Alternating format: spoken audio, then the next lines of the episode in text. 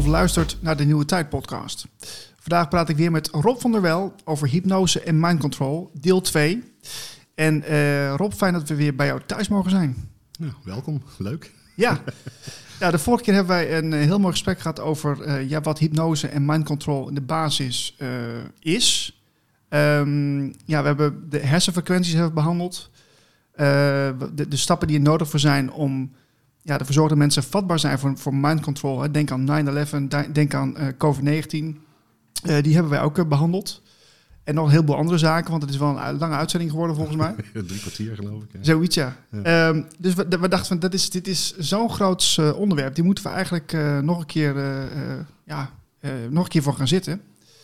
En vandaar dat we weer bij je zijn vandaag. Ja, leuk. Ja. Ja. Ja. nou ja, het is mijn hobby, dus welkom. Ja, precies. Ehm, ja, la- laten we even weer naar- teruggaan naar, eh, even een stapje terug naar hypnose van de vorige Mhm. keer. Mhm. Eh, we hebben het wel een beetje gehad over de, de definities die er zijn. Eh, maar ook zou ik graag vandaag iets verder willen naar de toepassingen die er ook zijn. Ja.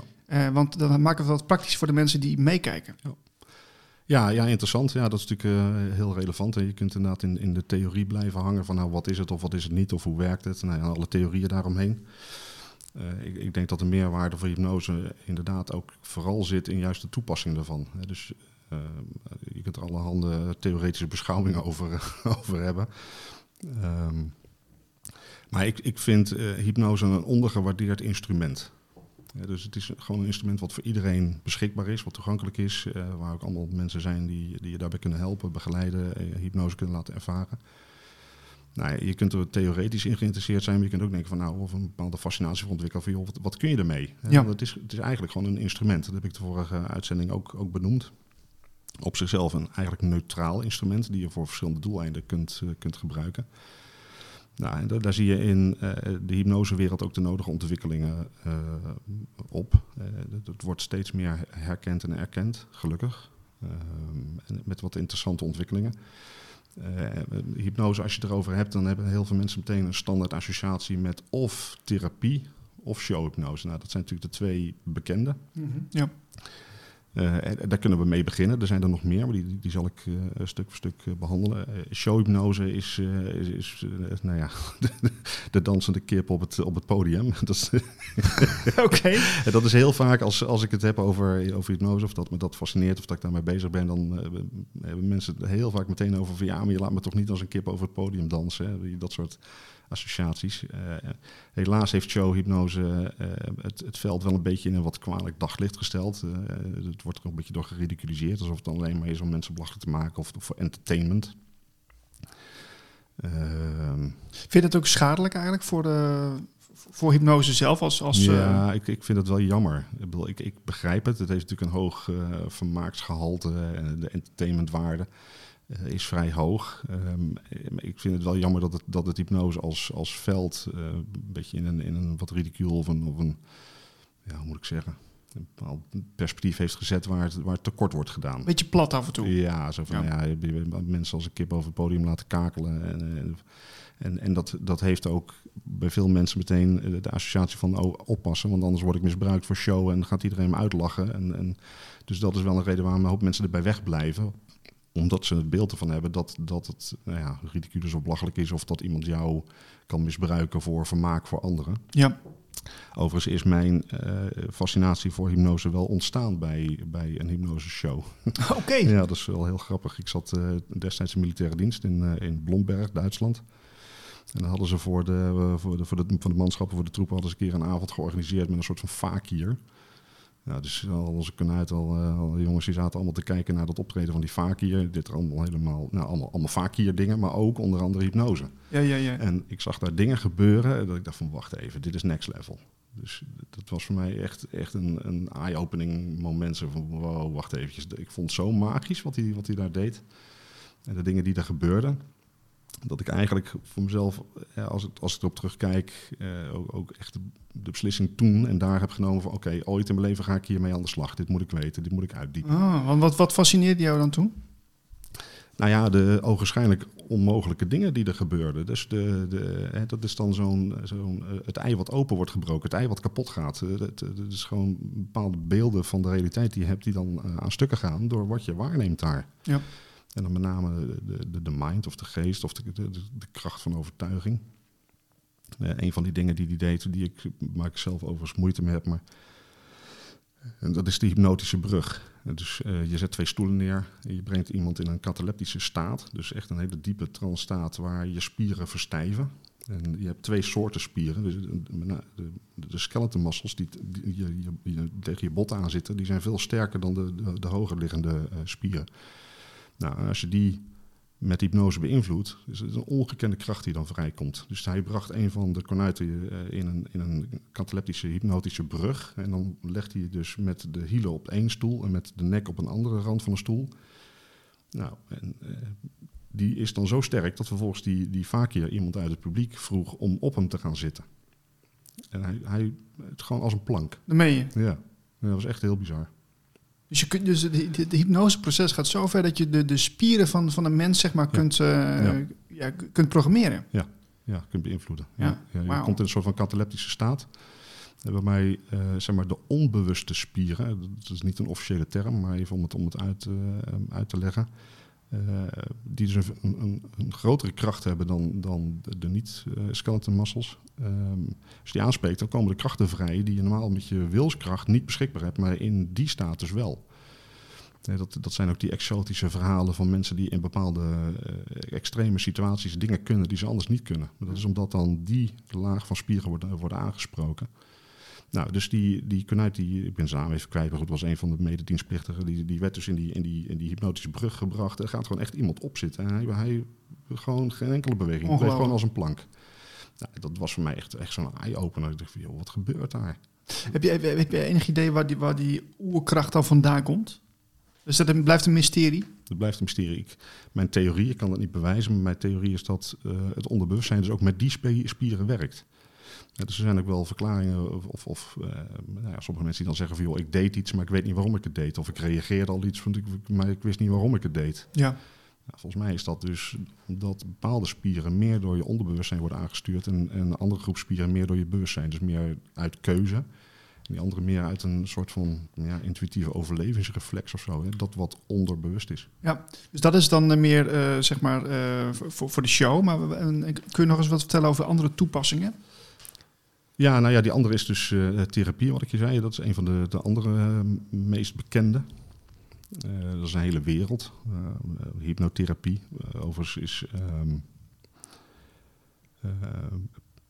psychosynthese, dus de, zeg maar de, de, de, de, Freudiaanse psychologie en, en, en, en de methodieken die daar worden gebruikt, vinden ook zijn hun oorsprong in hypnose. Freud was gewoon een slechte hypnotiseur, had een vervelend stemmetje. En dat, dat, eh, dus toen is hij dat in psychoanalyse gaan, gaan ombouwen. Ja, de basis van psychoanalyse, en daar zullen waarschijnlijk een hoop professionals het volstrekt mee oneens zijn en mij over, eh, over aanvallen, maar die, die zit hem in hypnose. Het gaat ook uit van hetzelfde mensbeeld, namelijk dat je gelaagd bent opgebouwd. Dus dat je verschillende lagen in jouw structuur hebt. Hè. Dus het, het, beeld wat we van onszelf hebben, is dat we één solide geheel zijn. We zijn één persoon, één mens, één blok. Hè, Ja, één, ja. één solide geheel. Maar als je wat dieper gaat analyseren, dan zie je dat je eigenlijk gelaagd bent opgebouwd. Zowel eh, spiritueel of geestelijk, hoe je het noemen wilt, hè, met je bewustzijn, onderbewustzijn. Eh, in de psychoanalyse wordt het ook wel, eh, dus dan werken ze met het model van de it, ego en superego. Nou, dan heb je ook al verschillende componenten, verschillende aspecten.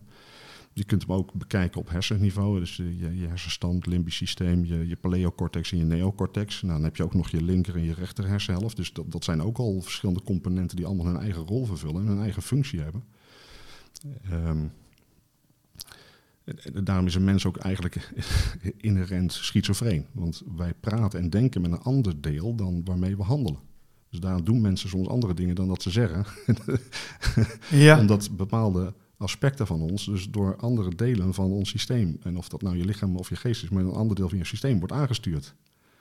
Dus daarom zijn mensen voor zichzelf soms ook onbegrijpelijk. Zo, ja, maar waarom doe ik dat nou? Nou ja, omdat dat deel door een ander iets wordt aangestuurd dan jouw zelfbeeld en je, je neocortex Ja, bijvoorbeeld. ja, en als je natuurlijk niet doorhebt dat je, dat je op, op een ander vlak wordt beïnvloed. En eh, dat, dat dat uiteindelijk maakt dat jij weer ander gedrag vertoont. Ja.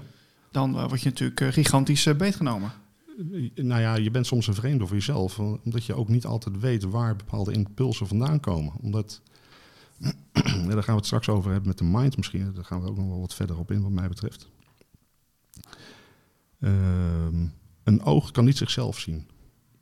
Een, een oor kan niet zichzelf horen. Een pen kan niet op zichzelf schrijven. Nou, zo kan ook een mens niet zichzelf observeren. Nee. Jouw, jouw onderbewustzijn kan, of jouw bewustzijn kan niet zichzelf waarnemen. We zijn blind voor onszelf. Het enige wat we merken is wat we doen, wat we beslissen enzovoort.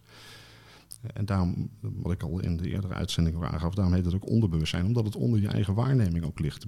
Die impulsen die er allemaal zitten, die, die kom je eigenlijk alleen maar tegen door dat te onderzoeken, te verkennen, eh, feedback te vragen van mensen, of door te kijken wat je doet of voelt of ervaart. Dat is die, die introspectie. Ehm, ja, dus dat is ook een. eh, ik kan even op. Jung had daar ook zo'n. ehm, even kijken of ik hem er zo snel bij kan vinden. Oh ja. Ja, want de Eh, mensen die deze video kijken, want er zijn ook mensen die luisteren, we hebben ook een aantal afbeeldingen die we laten zien. Ja. En moeten we even kijken hoe we dat eh, gaan monteren, maar dat, die komen dus voorbij. Ja, dus, eh, dus eh, dat is een, quote van, van, van Jung. Eh, Until you make the unconscious conscious, it will direct your life and you will call it fate. Dus zolang jij geen kennis hebt of toegang hebt tot wat jouw onderbewustzijn aan programmeringen heeft, bepaalt het wel je leven zonder dat je weet dat jij eigenlijk gewoon een speelbal bent van die programmeringen. Ja. Nou, en dan heb je soms relaties die stuk lopen. Dat je denkt, ja, maar waarom gebeurt dat nou? Of dat je enorm getriggerd wordt op bepaalde onderwerpen. Of eh, fel reageert op iemand. Dat je denkt, ja, maar waarom reageer ik zo fel op hem? Nou, en als je dat dus in, in hypnose onderzoekt. Nou, blijkt het dat dat gewoon spitting image is van je vader of je moeder. Of een oom, vervelende oom of tante, whatever. Ja, ja, ja. Eh, ja. maar ja. dat kun je van jezelf niet waarnemen. Ja, ja ik, ik heb het bijvoorbeeld, eh dat is misschien een beetje een stom voorbeeld, maar eh, op social media heb je ook wel eens een moment dat je, dat je helemaal getriggerd wordt door een bericht.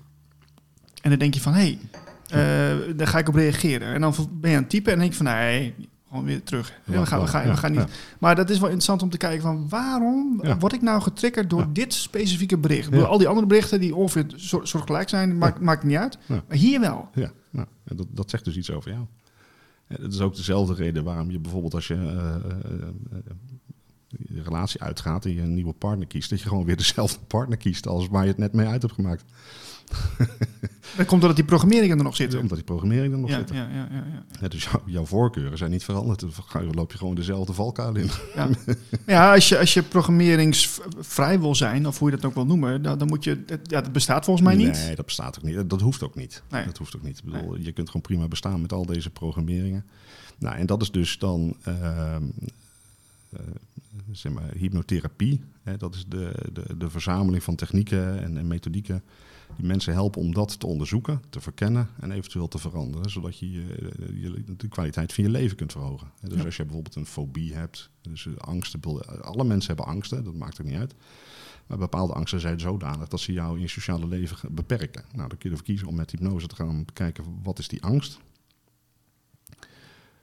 Eh, en die kun je dan oplossen. Of in ieder geval de perceptie van, van het bedreigende aspect kun je verzachten of veranderen. Nou, da- daar is hypnose bijvoorbeeld heel geschikt voor. Ja. Want het is een- het herprogrammeren van een koppeling die jij hebt gelegd tussen iets, een spin of een hond of, of nou ja, noem het maar, eh, en een bepaalde, eh, bepaalde vervelende ervaring in je verleden. Nou, en als je met hypnose dat verandert, dan neemt die angst af en dan neem je dus een beperking uit je leven weg. Daar is hypnose gewoon echt heel, uitermate geschikt voor. Nou, dus dan heb je showhypnose, eh, hypnotherapie.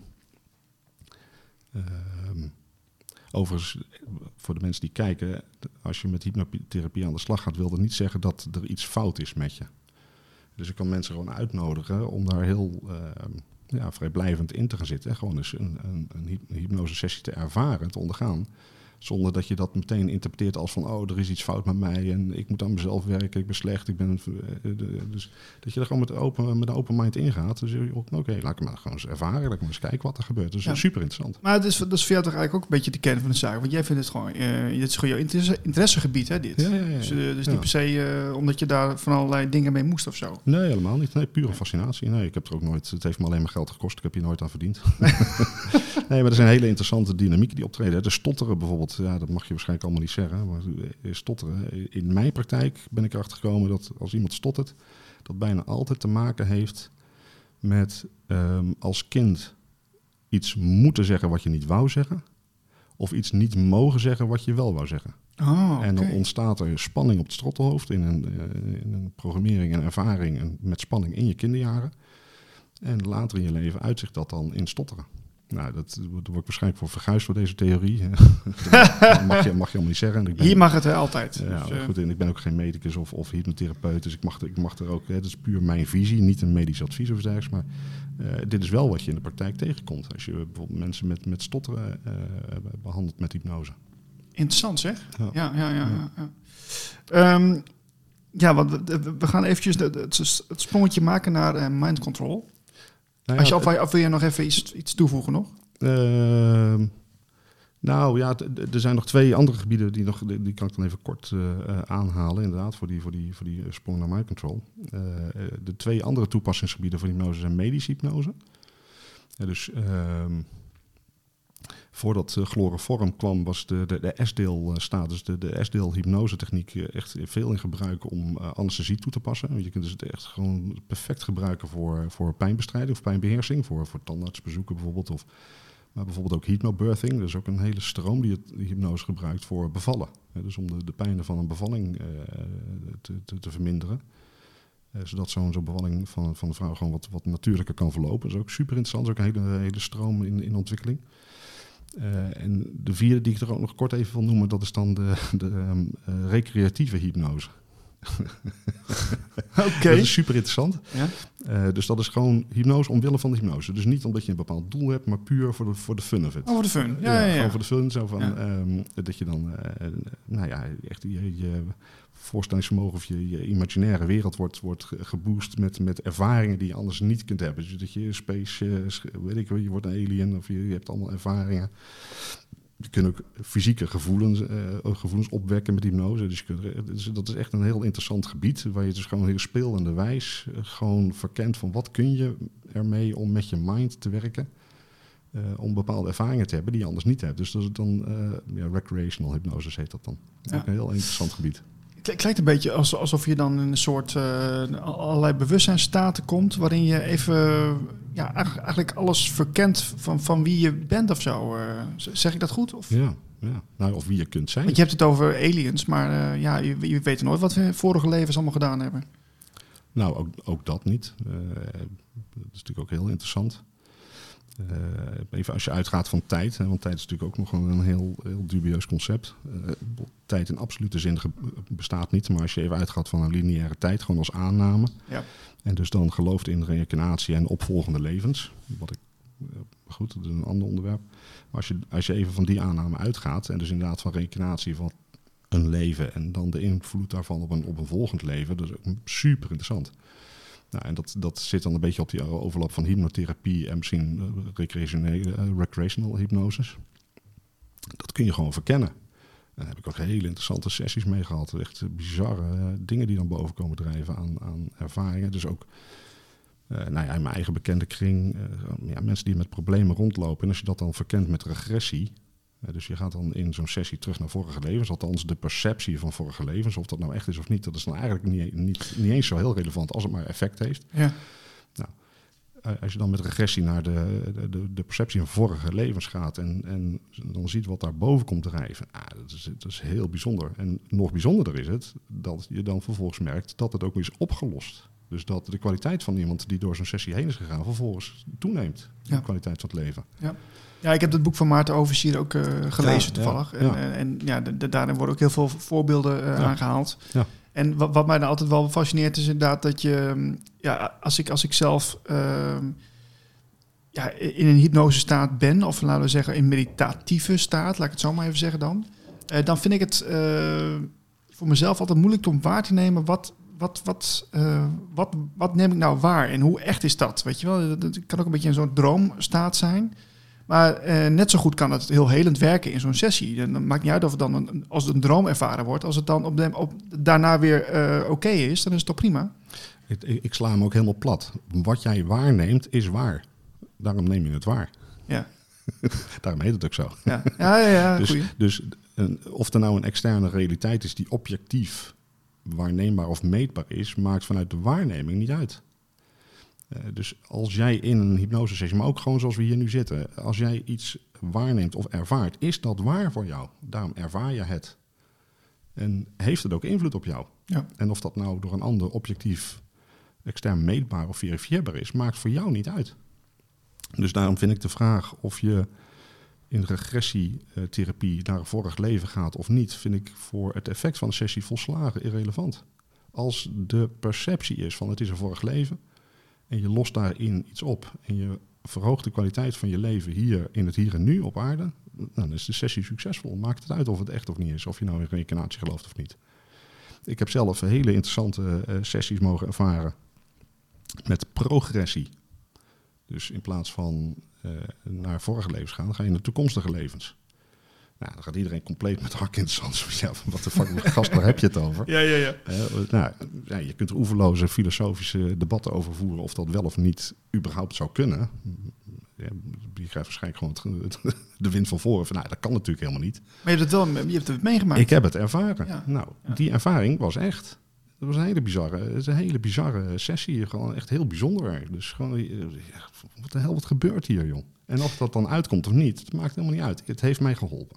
En, en als je dat dan, eh, dat dan zo even eh, bekijkt, hè, die, die, die, ervaring, snap je dan ook beter wat je in dit leven te doen hebt? Of maakt dat niet uit? Eh, nou, ik, ik vind het, ik blijf daar liever wat van weg. Dat, dat zijn van die oordelen van jou, jouw taak in het leven en wat je in dit leven te doen hebt. Want je gaat dan al helemaal uit inderdaad van de aanname van nou, er, is, er is reïncarnatie van dit leven, volgend leven, het leven, vorige leven. En dat je dan karma en bepaalde taken zou hebben. Denk je, ja, goed, ja, dat kan kloppen, het kan niet kloppen, het kan waar zijn, het kan niet waar zijn. Voor mij is, is van het belang, wat kun je om de kwaliteit van je leven te verhogen? En als zo'n sessie werkt en eh, obstakels die je ervaart oplost, dan heeft het effect en is dat oké. En of dat nou een vorig leven of een volgend leven is, I don't care. Nee, nee we hoeven het eigenlijk niet, eh, niet per se Nee, te nee, weten. dat Nee. Dus ehm eh, Chad Snow, eh, Herinneringen aan de toekomst, een heel interessant hypnoseboek van iemand die inderdaad honderden mensen met progressie eh, in, hypnose bracht, dus progressiesessies deed. Ehm, los van elkaar. En ehm, erachter kwam dat de verhalen die mensen vertelden over die volgende levens, die toekomstige levens, eigenlijk steeds in één van vier categorieën blijkt te vallen. Dus net alsof er vier hoofdtoekomsten zijn die voor de Ja, mensheid ja, ja, beschikbaar ja, ja, ja, ja. Het interessante daarvan eh, is dat dat dus mensen zijn die onafhankelijk van elkaar, dus zonder coördinatie of afstemming of iets dergelijks, gewoon steeds eigenlijk dat verhaal bevestigden. Een super interessant boek. Ja, ik, ja, wie- weet bestaat het, ik weet het niet, maar ik vind het heel, een heel fascinerend gegeven op zichzelf. Eh, Ja. daar kun je misschien wat mee. Nou, onderzoek het maar. Interessant zeg. Ja. Eh, we gaan naar mind control. Ehm, en ik heb er zelf ook even wat dingetjes bij opgezocht. Eh, want ik, ik kwam een heel interessant boek tegen van eh, een dame die heet Liu Solomei- Solomevis. Dat schreef ze in 2013. Oké. Eh, 12 Years in the Grave. Mind Control with Electromagnetic Spectrums. The Invisible Modern Concentration Camp. Het klinkt heel heftig. Eh, wat zij heeft meegemaakt gaat als volgt. Hè. Dat, dit, dit vertelt zij dus in het boek als een soort samenvatting. Ik heb het even vertaald.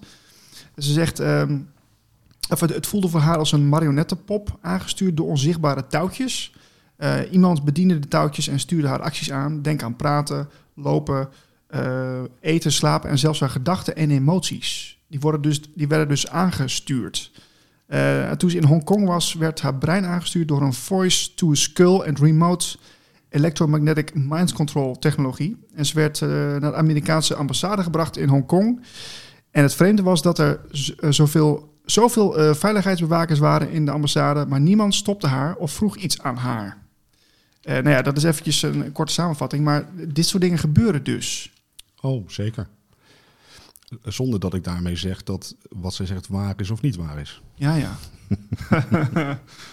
dus ik weet dat er technologieën zijn waar je mensen mee kunt beïnvloeden. Hè? Want uh, je hersenen werken met hersenfrequenties, daar hebben we het eerder over gehad. Dat zijn gewoon elektromagnetische velden die je niet alleen uitzendt, maar die je ook kunt ontvangen.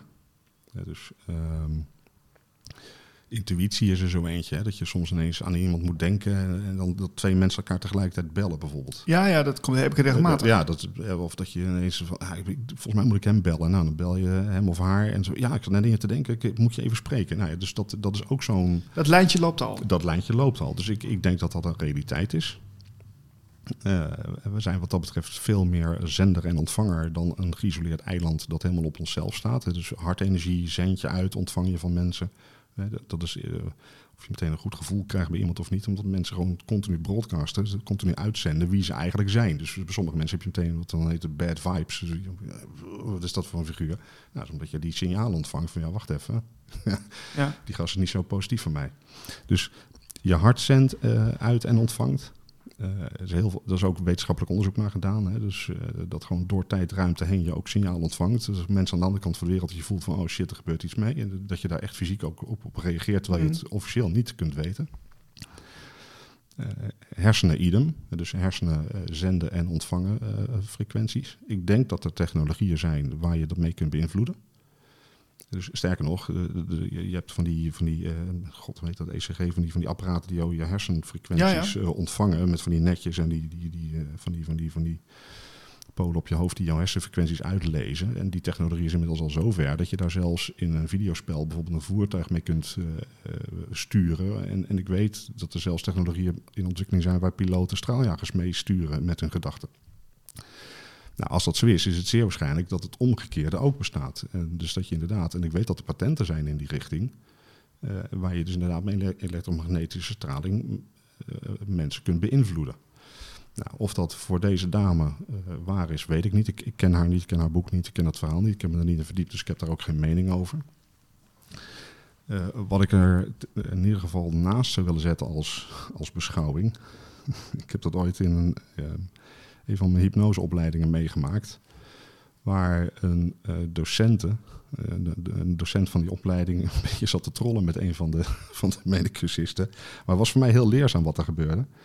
Die maakte die cursisten, een vrouw in dit geval, uh, wijst dat hij astraal of energetisch kon hypnotiseren. Ah, oké. Maar dat bracht hij met heel veel stelligheid. Dus voor haar klonk dat heel aannemelijk. Dus uh, vervolgens uh, spreekt hij met haar af uh, van nou, als jij, want zij verbleef in een hotel daar in de buurt, spraken ze af van nou, om acht uur s'avonds moet jij op je bed gaan zitten en dan ga ik jou energetisch astraal hypnotiseren. Maar dat is toch gewoon, hoe noemen ze dat ook weer? er is ook een naam voor. Um, niet, niet, niet healing, maar ik ben even de naam kwijt. Um. Ja, dus, nou, zijn. Ik, ik kom rijke, dat zocht ja, ik. ja. ja, ja.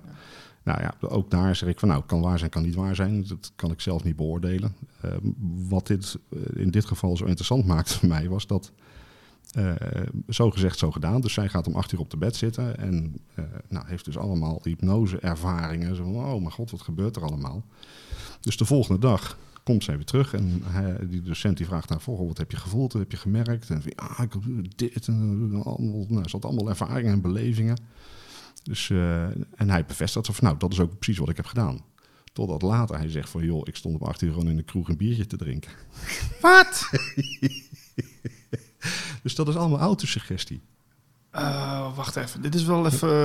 ja, dus dat is autosuggestie. Dus, dus die mevrouw, ik ben de naam even kwijt die je nou noemt. Ja. Um, ik hou ook rekening met de optie dat dit uh, inbeelding is. En ik, nogmaals, dus ik wil haar verhaal niet ontkrachten of in discrediet brengen. Mm -hmm. Maar ik probeer hem altijd breder te bekijken. Het kan zijn dat er technieken zijn waarmee zij werd beïnvloed. Ja. Weet ik niet. Maar ik hou ook rekening met de optie dat dit ingebeeld is, maar dat het voor haar dus een hele echte ervaring is. Ja, ja, ja, ja, ja. Net als die medicusiste in acht uur op de bed in de hotelkamer ook een hele echte ervaring had. Dus van, ja, ik word nu astraal gehypnotiseerd. Die had er allemaal belevingen bij. Terwijl de man die haar dan nog veel zou hypnotiseren, gewoon een biertje stond te drinken in de kroeg. Maar goed, dat, dat, er is dus wel iets gebeurd. Dus ik, maar kun je dat dan allemaal uh, fantaseren dan, zeg jij? Dat kan dus. Ja, ja, ja, ja. Nou, dat, is natuurlijk, dat zit ook al heel diep uh, dicht aan tegen nocebo en placebo. De, de, kracht van de mind gaat heel ver. Ja. Nou ja, wat denk je van psychoses dan? Want dat is weer, ja, want ik, ik heb ook in de psychiatrie gewerkt. Ja. Met mensen die dus de hele levendige ervaringen overdag ja. hebben. Ja. En dan, uh, ja, worden, het worden natuurlijk met medicatie worden ze volgegooid. Maar uh, de, wat is die ervaring? Hè? Dat, is, dat is natuurlijk wel uh, de vraag. Nou ja, daar hebben we het natuurlijk in de eerste uitzending over gehad. Hè? Dus ik, ik kwalificeer mind als de interface tussen lichaam en geest. misschien dat we er straks nog even wat verder op ingaan dat werkt twee kanten op. Dus als jouw lichaam ongezond is of uit, uh, in onbalans verkeert of bepaalde stoffen tekort komt, ja, dan heeft dat ook impact op je mind. Uh, omdat je lichaam dan niet meewerkt. Ja. Dus als mensen bepaalde tekorten hebben, uh, ja, dan, dan hebben zij in hun mind ook bepaalde ervaringen die voor hun heel echt zijn. Uh, dus ik, ik, ik, durf absoluut niet te, te, beweren dat wat die mensen ervaren allemaal alleen maar gefantaseerd of ingebeeld is of emotionair is. Het kan wel degelijk zijn dat het lichaam gewoon bepaald tekort heeft, met als impact dat je mind dysfunctioneert of, of uit, nou ja, in onbalans is, laat ik het zo zeggen. Dus uh, ik, ik, ik zal de laatste zijn om dat te veroordelen of af te doen als, uh, als zelfinbeelding. Dat is veel te kort door de bocht. Ja, oké. En, en, want want um, wat ik ook even naartoe wilde is... Um, ja, dat, dat, dat mind control, dat we dat veel breder kunnen zien. Hè? Daar heb je het ook even over gehad voordat we gingen beginnen. Uh, want, want heel veel mensen denken dan inderdaad, oké, okay, uh, heel specifiek. Of dat je, dat je getarget wordt als, als persoon. Maar je, het, is, het is veel breder en gelaagder in de samenleving dan de meeste mensen denken.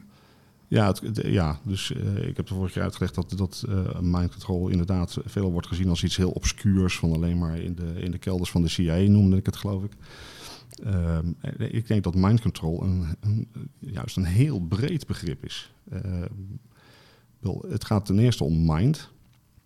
Nou, daar heb ik al iets over gezegd. Ehm, het gaat over bewustzijn. Nou, wat is bewustzijn? Dat is ook wel een hele interessante. Dus je, je, moet dan ook ingaan op, op de gelaagdheid van hoe iemand uh, uh, is opgebouwd. Hè. Dus wat is denken? Nou, denken is het resultaat van mind die in activiteit treedt. Dus zodra mind actief wordt, ervaar jij denken. Nou, wat is mind? Mind ontstaat als bewustzijn actief wordt. Dus zodra je bewustzijn eh, actief is, ontstaat mind. Het omgekeerde is namelijk ook waar. Als jij in een hele diepe meditatie uh, jezelf brengt, dus een hele diepe ontspanning van jouw bewustzijn, komt jouw mind helemaal tot kalmte. Ja. En zijn er ook geen gedachten. En ja. zo, zo kun je hem ook terugredeneren. Hmm. Ja? Dus als je, zodra jouw bewustzijn weer actief wordt, ontstaat mind. Zodra mind ontstaat, ontstaan gedachten. Dus als jouw bewustzijn tot, tot, kalmte komt als een vlak water in een zwembad, dan is er ook geen mind en ook geen gedachten. Ja, dus. De, dus de mind en de gedachten zijn twee uh, aparte dingen. Ja. Of interacteren ze met elkaar. Ja, dat is altijd het gevaar van definities. Dan lijkt het iets als zelfstandigs te zijn. Ik denk dat het gewoon schakeringen zijn van bewustzijn. Ja, maar dat vind ik ook met non-dualiteit. Als je daar een beetje in verdiept. Dan, dan die, want die zitten daar heel erg op. Hè? Van, ja, uh, ja, de, ja. ja. Nou ja, en, en non-dualiteit. Kijk, je kunt bewustzijn definiëren als godactiviteit. Dus uh, zodra God, of nee, dat is dan even een metafoor, is niet God als een persoon die over de wolken zit te kijken, maar gewoon even als, als abstracte, de, de bron van de alles. Bron, ja. Uh, zodra die actief wordt, ontstaat bewustzijn. Net als dat als een oceaan actief wordt, golfjes ontstaan. Ja. Maar golfjes zijn, en die kun je individualiseren, die kun je aanwijzen, want daar is een golf en daar is een golf. Maar het is allemaal oceaanactiviteit. Dus golven zijn altijd oceaan. Nou, bewustzijn is altijd God. Of bron, hoe je het noemen wilt. Maar wij ervaren het als afgezonderde delen. En zo ga je er steeds meer zeg maar, de individualiteit in, waarin wij problemen ervaren. De, de, de oplossing zit hem ook weer in de omgekeerde richting. En dat is waar hypnose dus zo mooi bij kan werken. Want hypnose is een, een vorm van tot rust komen, weer dieper bij die bron, om daar dingen te veranderen. Nou, dus mind, um, mind control. Dan moet je het ook even kort hebben over control. Uh, control is niet, dat is niet zwart-wit. Je hebt schakeringen van invloed en control. Dus, dus mind control in, in de meest absolute zin is een totaal willoos iemand die als een robot exact doet wat jij zegt. En dan heb je 100% mind control over iemand, even in, in deze terminologie. Mhm. Maar dat is natuurlijk een, een uiterste. Dat is niet zwart-wit. Het is niet zo dat uh, mind control alleen aan de orde is wanneer iemand onder invloed staat van een hypnotiseur of een, of een CIA-agent die jou als een willoze slaaf aanstuurt. Even, ja, even een ander voorbeeld. Hè. Als we, ik heb uh, deze week een paar sollicitatiegesprekken gevoerd. Mm -hmm. uh, en dan kom je daar binnen en dan, worden, dan zit je tegenover een paar mensen. Uh, dan, dan, sta je eigenlijk ook, zit je, je, je, je, neemt deel aan een veld van die mensen. Die hebben een veld gecreëerd, die hebben een bepaalde intentie. Mm -hmm. En sta ik dan ook onder mind control van die twee? Of, of, of hoe zie je dat? Nou, iedereen wordt beïnvloed door iedereen. Daarom breng ik juist die nuance aan. Zo van een mind control is niet zwart-wit. Het is niet zo dat je wel onder mind control staat of niet onder mind control. Dat is een heel breed spectrum. Iedereen staat eigenlijk altijd onder mind control, alleen in verschillende maten en vormen. Wij zijn allemaal een product van onze opvoeding. Dus is, er is een soort van mind control geweest van onze ouders in de opvoeding en onze cultuur waarin wij opgroeien, wat ons vormt. Ja. Dus iedereen is een resultante van een vorm van mind control. Uh, wat je op school hebt geleerd. Hè. Bedoel, scholen zijn natuurlijk gewoon uh, brainwash centra puur zang. Dat is volledige mind control, non-stop. Ja, Daarom ja. hebben we nu een hele generatie die allemaal bang zijn voor allemaal dingen. Die, dat hebben ze van de leraar gehoord. Nou, ja. Dat is ook mind control. Ja, dus terug te komen op jouw vraag van is daar mind control? Ja, in formele zin moet het antwoord dan ja zijn. Want er is, er is invloed. Ja. Je wil hoe mensen naar je kijken, hoe ze je bejegenen. Wat ze van je verwachten. Wat ze van je verwachten, jouw, jouw positie naar die mensen toe. Dus daar is mind interactie. Dus ja, er is een vorm van mind control. Ben jij een, een willoze slaaf in de handen van die interviewers? Nee. Nou, en dat is de nuance die ik aan wil brengen in het, in het, het concept uh, mind control. Uh, we hebben als mens in een samenleving allemaal te maken met vormen van mind control. In meer of mindere mate. Uh, de moeite die, uh, die mensen hebben met het concept mind control in, in, zeg maar, in politieke maatschappelijke zin, is dat als je aanneemt dat er mind control plaatsvindt, je dan impliciet, dat voelen mensen als aan, zo van, oh maar wacht eventjes, dat je dan impliciet ook moet erkennen dat er een macht of een kracht achter de schermen bezig is om ons te beïnvloeden. Ja, ja, ja. Uh, dus, uh, en, en dat is waarom ik mijn boek Dictocratie daar ook over heb geschreven. Ehm, mind control in negatieve zin, in, in machtspolitieke zin, impliceert het bestaan van een elite. En dat vinden heel veel mensen natuurlijk een heel onaangenaam beeld. En daarom duwen ze mind control weg als onzin en nonsens. Want hoef je dat, dat andere thema niet te bestempelen. Maar in, in politiek is het natuurlijk wel zo. Als een samenleving niet 100% democratisch is, waar dus de regering zich echt volledig dienstbaar stelt aan het volk, zodra je ook daar maar één stap van verwijderd bent, moet je noodzakelijkerwijs al te maken gaan krijgen met mind control. Want dan moeten de zogenaamde vertegenwoordigers het volk in de waan laten dat het democratie is en dat ze in het belang van de democratie handelen, maar stiekem eigenlijk andere agenda's. Ja, ja, ja, ja, En dan zit je eigenlijk al in mind control. Dan zit je al in een machtselite die uh, hun eigen agenda dienen, maar ondertussen met methodieken en methoden en manipulatie het volk in de waan laten dat ze in een democratie leven. Nou, dat is ook al een vorm van mind control. Uh, maar dus, uh, overigens ook nog twee nuances. Mind control uh, heb je intern en extern. Dat is ook nog even een nuance die ik aan wil brengen. Oké, okay, vertel. Um, de externe mind control is zeg maar alle invloeden van buitenaf die impact op jou hebben of proberen te hebben. In meer of mindere mate van succes of effect. De TV, radio enzovoort. Krant, de media, school, ouders, Laptop. cultuur. Alles wat jou probeert te sturen in een bepaalde richting. Dat kun je zien als, als een vorm van, van mind control. En dat is dan externe mind control. Maar je hebt natuurlijk ook interne mind control. Dus, en dat, dat zijn de overtuigingen. Ja, dus de mate waarin jij jezelf gek maakt of gek laat maken of uh, genoegen neemt met jouw programmeringen, gewoon door luiheid of, of onbekendheid hiermee. Uh, of de mate waarin je besluit, joh, maar ik ga mijn, mijn overtuigingen en mijn zelfbeeld en, mijn denkpatronen veranderen. Ja, maar daar zit ook een stukje persoonlijkheid in. Want als je persoonlijkheid zoiets heeft van, nou, ik ga, ik ga die uh, overtuigingen eens even aanpakken. Uh, dat is een andere persoonlijkheid die zegt van, nou ja, nee, ik, ik vind het toch heel spannend en laat maar zo hoor, dan ik kijk wel even weg. Uh, dit is dus je persoonlijkheid heeft er ook een rol in. Ja, tuurlijk, tuurlijk, tuurlijk. Maar dat, ja, absoluut. dat, dat zijn al die programmeringen. Ja, inderdaad. Ja. Ja, dus ik vind, uh, die had ik even voorbereid ook opgeschreven, omdat ik dacht van nou, die zal wel aan de orde komen. De Osho, Bhagwan, is ook de, de, ja, die ken een ik, bekende ja. naam. Ja. Die, die heeft die, die opmerking van the mind, um, a beautiful servant, a dangerous master. Dus je bent ook zelf verantwoordelijk voor de mate waarin jij zelf slaaf bent van je eigen mind. Of dat, die, uh, dat je je mind jou laat dienen. Dus als jij blijft hangen in negatieve programmering of overtuiging of een negatief zelfbeeld en daar maar genoegen mee neemt, dan blijft dat jouw leven in negatieve zin beïnvloeden. Er zijn vast ook mensen die, uh, die op een gegeven moment ook wel lekker vinden dat ze een negatief zelfbeeld hebben. Ja, oh ja, ja, ja. Dus de, de, het, het, het, slachtoffergewin. Ja. Ja. ja. Lekker vroeten in de modder. Ja, maar ook, ook uh, uh, ja, zwelgen in slachtofferschap. Hè? Want dan hoef je geen verantwoordelijkheid te nemen. Alles overkomt jou en je bent zielig. En, en nou, dan krijg je allemaal medelijden van mensen. Je krijgt aandacht. Oh, heerlijk. Ja, ja, ja oh, houden we van. dat, is, dat, is heel, dat is heel pathologisch. Ja, maar je kunt ervoor kiezen. Je kunt ervoor kiezen. Maar dus dat is wat ik dan noem die interne mind control. Dus de mate waarin jij genoegen neemt met een, een, een destructieve of, of pathologische mindset ja, is dan een keuze, maar dan is dat interne mind control. Dat is dan niet meer iets wat je extern kunt wegzetten van ik sta onder invloed van die of die. Nee, dan neem je er zelf de, de verantwoordelijkheid, de keuze voor om gewoon genoegen te nemen met een niet gezonde of niet goed functionerende mind. Ja. dus dat, dat zijn twee uh, aspecten. Uh, je zou ook nog kunnen nuanceren in de verschillende vormen van mind control. Kijk, als, als je het hebt over mind control, wordt heel vaak aangenomen dat dat een soort van um, covert. Hè? Dus dat is dan als het ware een, niet expliciete, niet zichtbare invloed. Dus stiekem, geheim, uh, onzichtbaar. Ja.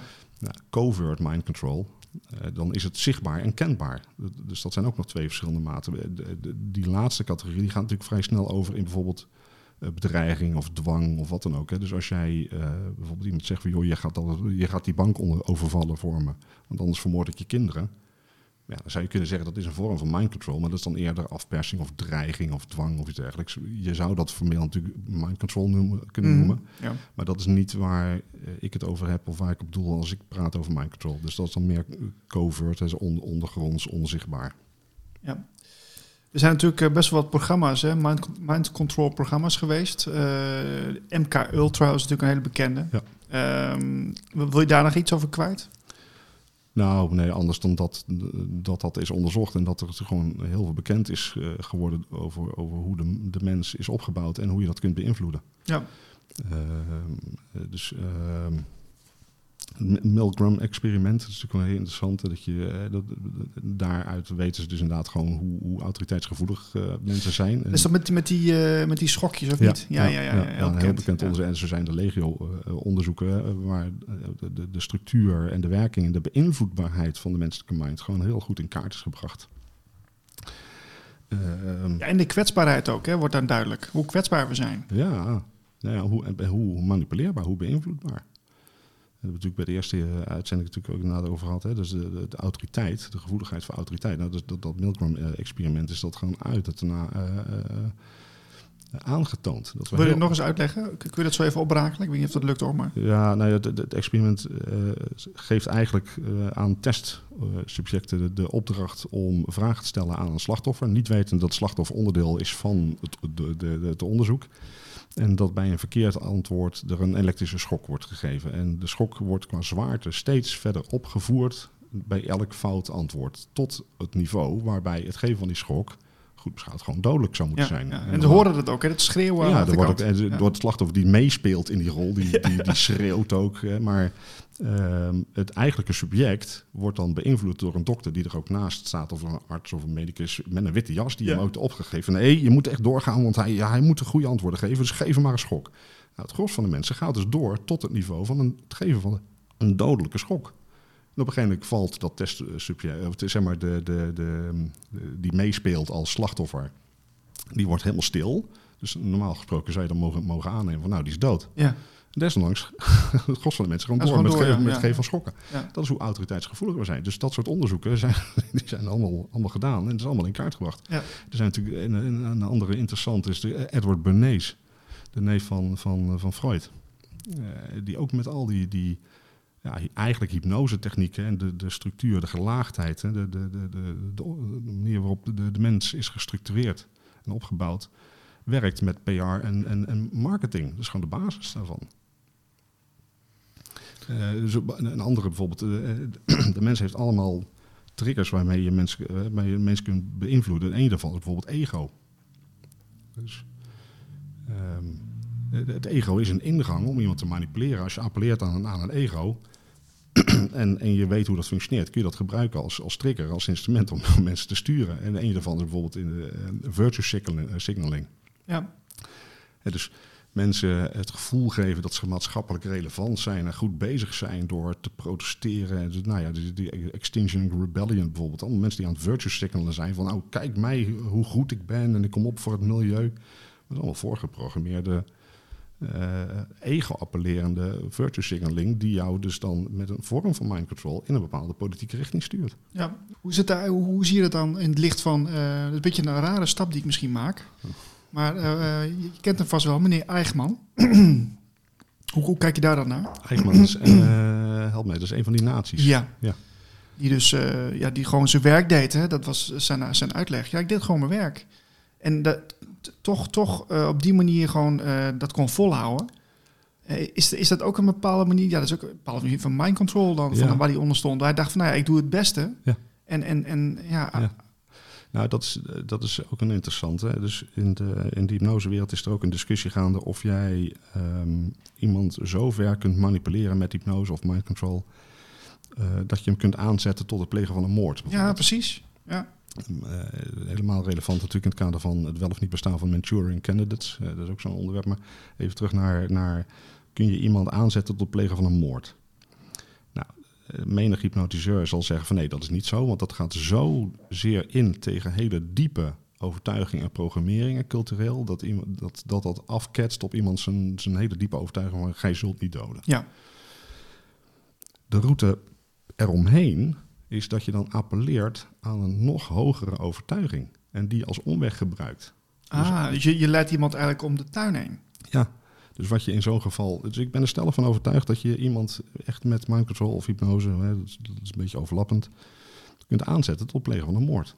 Wat je dan doet is uh, die diep ge, ge, gewortelde overtuiging van ga je zult niet doden, omzeilen door te zeggen van ja, maar dit moet echt gebeuren, want die man die of die vrouw die jij moet vermoorden, staat op het punt om 10.000 mensen te vermoorden met een gifaanval of een atoombom of iets. Dus, ja, dus het heeft een hoger doel. Dus een hoger doel. Dan is het gerechtvaardigd. En dan is het gerechtvaardigd. En dan, krijg je iemand gewoon.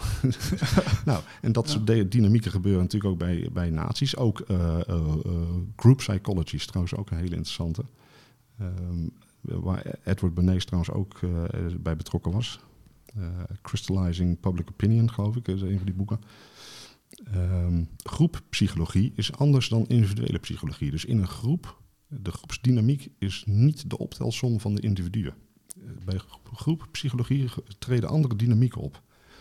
En um, als dus een groep in een bepaalde richting ontwikkelt, ontleent het individu daar een rechtvaardiging aan en kan die zich daar goed over voelen. En zo zie je dus inderdaad, de, de, ik ben even de titel, de naam kwijt, ik weet dat er een boek is geschreven over een onderzoek uh, of een bekend fenomeen wat, wat heeft plaatsgevonden bij de Tweede Wereldoorlog, waar een groep uh, gewoon dagdagelijkse mannen, gewoon vaders, uh, normale mensen die, die gewoon in de samenleving normaal functioneerden, bij een bepaald ja, commandogroep werden, werden gebracht. En um, tot hele extreme daden werden gedreven. Dat is wel een bekend geval. Ik zou het even moeten opzoeken, met de naam even kwijt.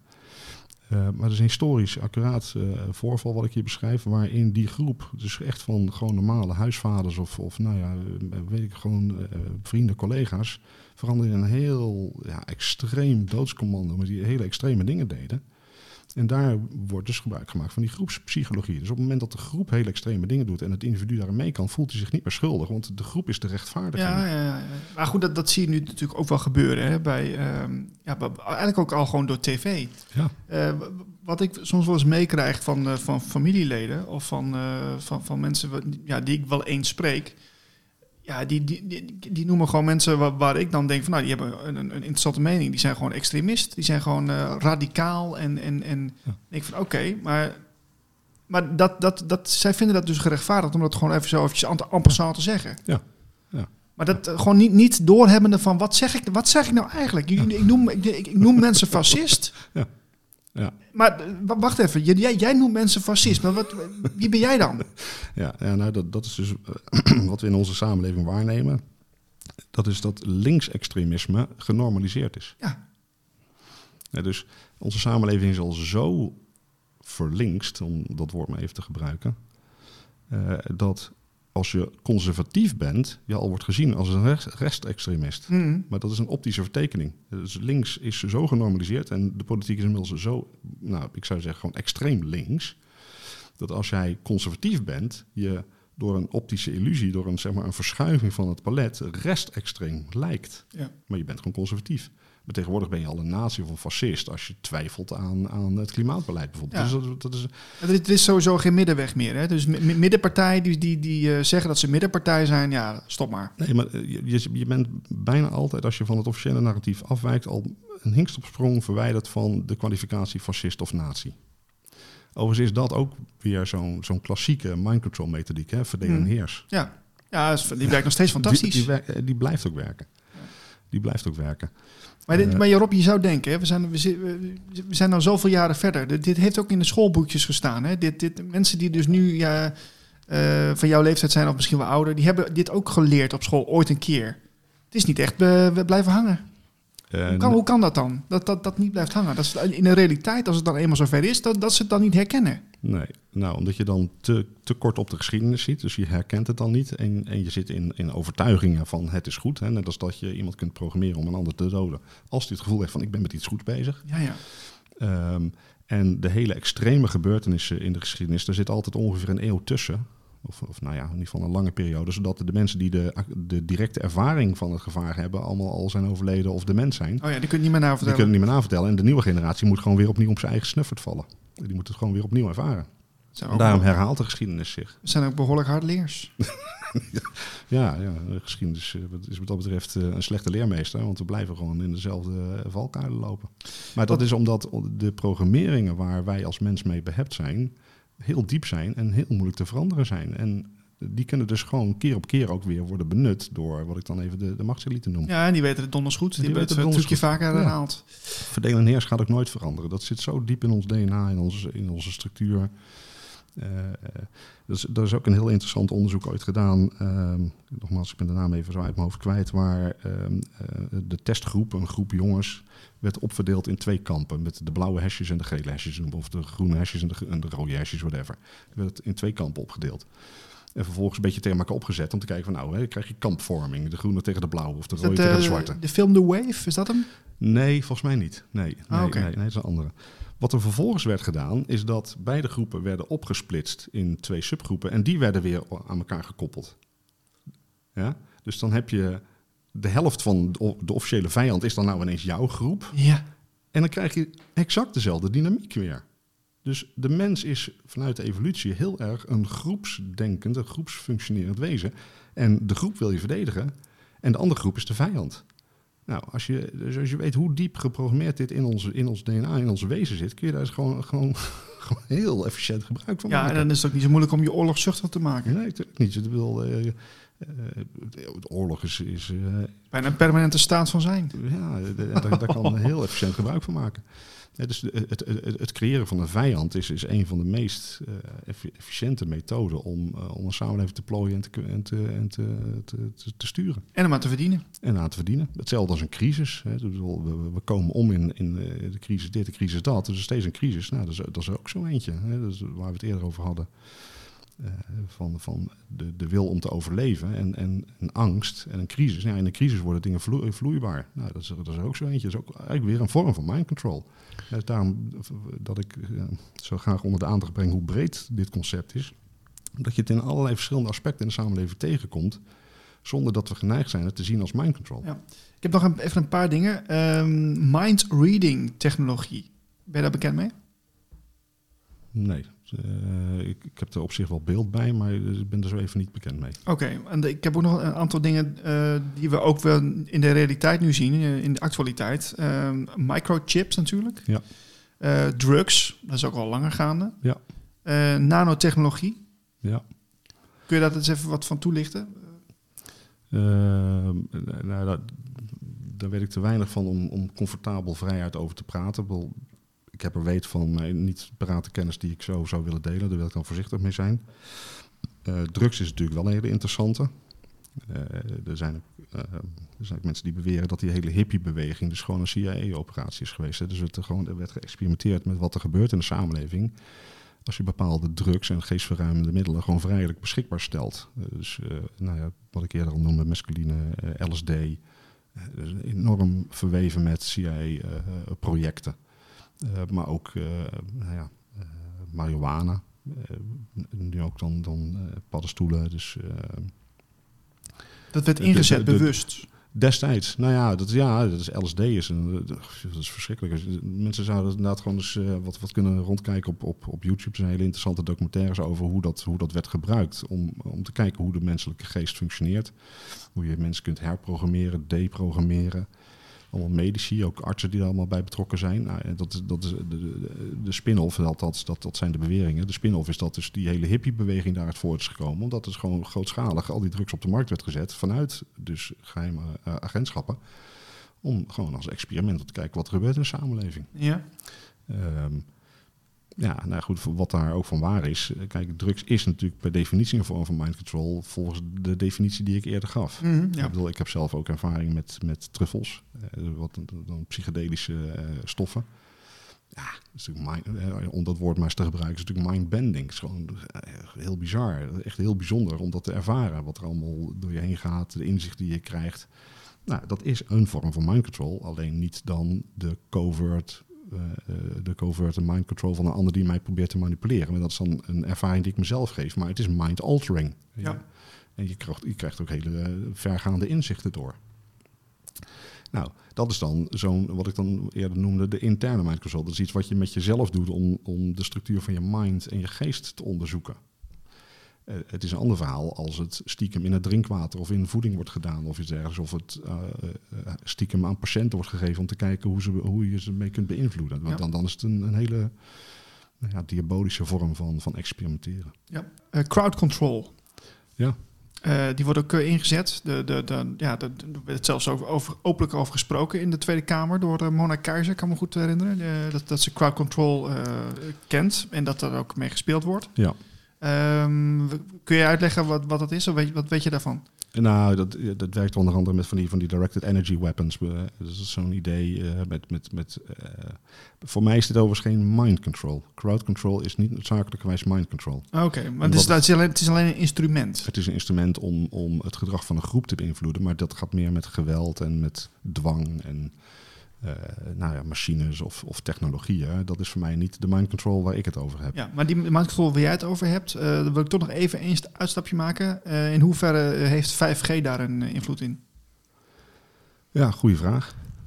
um, ik weet daar te weinig van om daar met zekerheid iets, over te durven zeggen. Dat zit een beetje in lijn met dat boek waar jij het eerder over had. Hè? Dus het vermoeden dat die elektromagnetische velden worden gebruikt om ons te beïnvloeden. Ons angstig te maken of bepaalde beelden in te laten denken of onrust te zaaien. Nou, ik sluit dat zeker niet uit. Ik sluit dat zeker niet uit. Als je weet dat de hersenen dus inderdaad uh, gevoelig zijn voor elektromagnetische velden, hè, zoals het genereert het ook zelf. Dus er is intern in hersenen ook al uh, interactie met elektromagnetische velden. Nou, wie ben ik dan om te zeggen dat externe elektromagnetische velden geen impact zouden hebben op, jou, mm. op, jou, op jouw uh, hersenen en dus je gedachten en je gedrag? Ja. Ik, ik, ik, sluit dat helemaal niet uit. Sterker nog, ik, ik zou bijna aannemen dat dat soort technologieën worden onderzocht. En ik denk als je met een beetje Google uh, je best doet, dat je ook al vrij snel dat soort patenten gaat tegenkomen. Mm. Ja. Oké. Okay. Ja. Dus dat, uh, dat is een heel duister onderwerp, maar ik sluit dat zeker niet uit. En als, als die technologie inderdaad uh, bestaat en operatief is, ja, dan is dat puur zang um, covert mind control. En, en, dan ook echt uitermate kwalijk. Ja. Wat, wat, wat doe jij zelf? Uh, ja, jij bent natuurlijk, je hebt al jarenlang onderzoek gedaan naar dit soort onderwerpen. Uh, is, is, zijn er uh, ja, toepassingen of, of, of, of, of heb, je, heb je tips voor mensen om, om, om hier bewuster mee om te gaan met dit soort zaken, te beschermen? Ehm, nou ja, daar heb ik het eerder over gehad. Hè. Dus zodra je weet hebt van bepaalde fenomenen, neemt het effect af. Dus een mooi voorbeeld is astroturfing. Dat is ook zo'n begrip. Dus dat uh, de overheid, of, of nou ja, of de elite, hoe je, het allemaal noemen wilt, um, ogenschijnlijk spontane ontwikkelingen in de samenleving laten plaatsvinden die ze van achter de schermen gewoon worden gesponsord, gestuurd en gefinancierd. Maar voor de samenleving lijkt dat dan een, een spontane tendens. eh, Ja, ik- zomaar. Zomaar. En dan denkt iedereen, oh, er is iets eh, gaande, ik sluit me daarbij aan, want we zijn goed bezig.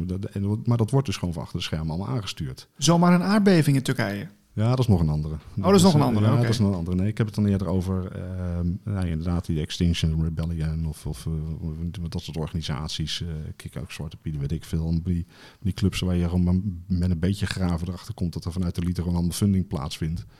George Eh, Soros. Ja, eh, dus dat is gewoon, eh, dat heet dan astroturfing. Dus dat, eh, zodra je daar weet van hebt, ga je veel kritischer naar het nieuws kijken en neemt het effect af. Dan dus, ben je dus minder een speelbal van, eh, van dit soort manipulatietactieken. Dat, dit is ook de reden waarom ik mijn boek eh, heb geschreven, om dit inzichtelijk te maken. Ik wil t- t- twee hoofdstukken van het boek gaan over mind control en hypnose, juist vanwege het belang daarvan, ook in het kader van de vraag van leven we in een democratie of niet. Nogmaals, als we niet een echte democratie zijn, moet er noodzakelijkerwijs mind control aan de orde zijn. En dat is dus ook mijn overtuiging dat dat het geval is. Ja. Ehm, ehm, ja, ik kan mensen alleen maar uitnodigen om ehm, zich in hypnose te verdiepen en er gewoon eens misschien eens een ervaring mee op te doen. Hè, dan kom je erachter dat het helemaal niet griezelig of spannend of raar is, of dat het iets te maken heeft met dat je niet zou functioneren of eh, psychische problemen hebt. Wees daar gewoon nieuwsgierig naar, eh, gefascineerd. Ga die ervaring aan en voel eens wat dat, wat dat is en wat dat doet. En dan verken je gewoon een nieuwe dimensie in jezelf. Waarvan je erachter komt joh, er is een heel universum in mezelf. Waar ik allemaal dingen mee kan. Dingen oplossen, onderzoeken, bekijken, ontdekken. Nou, dat is super fascinerend. En zodra je daar dus directe ervaring mee hebt, dan krijgt dat ook een, veel meer, eh, ja, wordt het inzichtelijk, wordt het echt een, in plaats van alleen maar theorie van een, een nou ja, meneer Van der Wel die er wat over zit te vertellen. Ja, ja, ja, En dan ga je het. Kijk, ik kan honderd keer vertellen over hoe wat het is om te zwemmen. Totdat iemand zelf het zwembad of, of, of de, de waterplas induikt. Heb je geen idee wat het is. Dus, dan- eh, er is nog veel te ontdekken voor onze luisteraars. nou ja, dat is, dat, is het, dat is het positieve nieuws. Eh, de, de positieve boodschap is dat mind control dus ook iets is wat je zelf kunt gebruiken in je eigen voordeel. Eh, Die, die interne mind control. Je kunt je eigen mind veranderen, verbeteren, eh, obstakels wegnemen, nieuwe dimensies en, en, en dingen in jezelf ontdekken. Dus dat is, dat is het, het positieve nieuws, dat is de, de, de, de blije boodschap. Van ga dat ontdekken en, en eh, zie jezelf als meer dan alleen maar een lichaam, maar ga gewoon ook eens naar binnen om te kijken van, joh, wat, wat, welke wereld is er in mijzelf te ontdekken en in welke mate kan ik de kwaliteit van mijn leven verhogen door gebruik te maken van, van die structuur die je als mens hebt. Dus eh, eh, ja, toch even van, van, van Bachman. A beautiful servant of een terrible master. Dus zolang jij slachtoffer bent van je eigen mind, ben jij eh, ben je onder, onder invloed van een terrible master. En het is jouw keuze om er een beautiful servant van te maken en jouw onderbewustzijn dus ten dienste te laten functioneren van, van jouw leven. Ja, en je kunt zeggen van alle mensen die dit eh, nu eh, ruim een uur hebben volgehouden, die kunnen niet meer zeggen van ik wist het niet. Nee, nee, nee, nee dat, eh, daar kunnen ze mij de schuld voor geven. Precies, zo is het. Rob, we geven jou de schuld, maar in ieder geval dank voor je tijd. Heel graag gedaan. En leuk dat we even weer bij je mochten zijn. Ja. We zijn er volgende maand weer met een nieuwe uitzending van de Nieuwe Tijd podcast. Ehm, ja, meer informatie kun je lezen op de website blikopdemaatschappij.nl. En wil je mij steunen, dan kan dat eh, op, onder het kopje steun. En dan eh, kun je een donatie overmaken. Dus eh, Rob, ehm, wie weet komt er nog een deel 3. Want je bent met heel veel boeken bezig, hè, momenteel. Ja, te, te veel. Te veel. Oké, Maar er komen er een paar aan. Ja. leuk. Oké, iedereen dank voor het kijken. Tot de volgende keer. Bye bye.